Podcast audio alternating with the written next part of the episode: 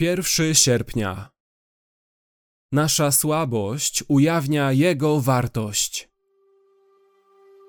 Dosyć masz, gdy masz łaskę moją, albowiem pełnia mej mocy okazuje się w słabości.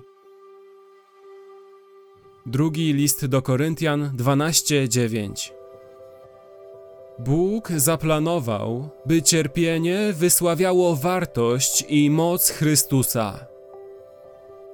Jest to łaską, ponieważ największą radością chrześcijan jest doświadczenie Chrystusa wywyższonego w naszym życiu.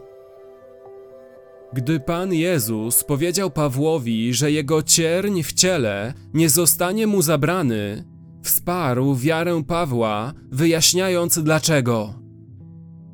Pan powiedział: Dosyć masz, gdy masz łaskę moją, albowiem pełnia mej mocy okazuje się w słabości. 2 Koryntian 12:9 Bóg postanowił, że Paweł będzie słaby po to, aby Chrystus okazał się silny w życiu Pawła.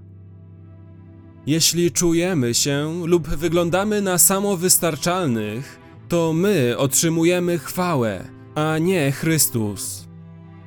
Tak więc Chrystus wybiera to, co słabe w oczach świata, aby żaden człowiek nie chełpił się przed obliczem Bożym. 1 Koryntian 1:29. A czasami sprawia, że pozornie silni ludzie stają się słabi, aby Boża moc była bardziej widoczna. Wiemy, że Paweł doświadczył tego jako łaski, ponieważ radował się w swoim cierpieniu. Najchętniej więc chlubić się będę słabościami, aby zamieszkała we mnie moc Chrystusowa. Dlatego mam upodobanie w słabościach, w zniewagach, w potrzebach, w prześladowaniach, w uciskach dla Chrystusa. Albowiem kiedy jestem słaby, wtedy jestem mocny. 2 Koryntian 12, 9 i 10.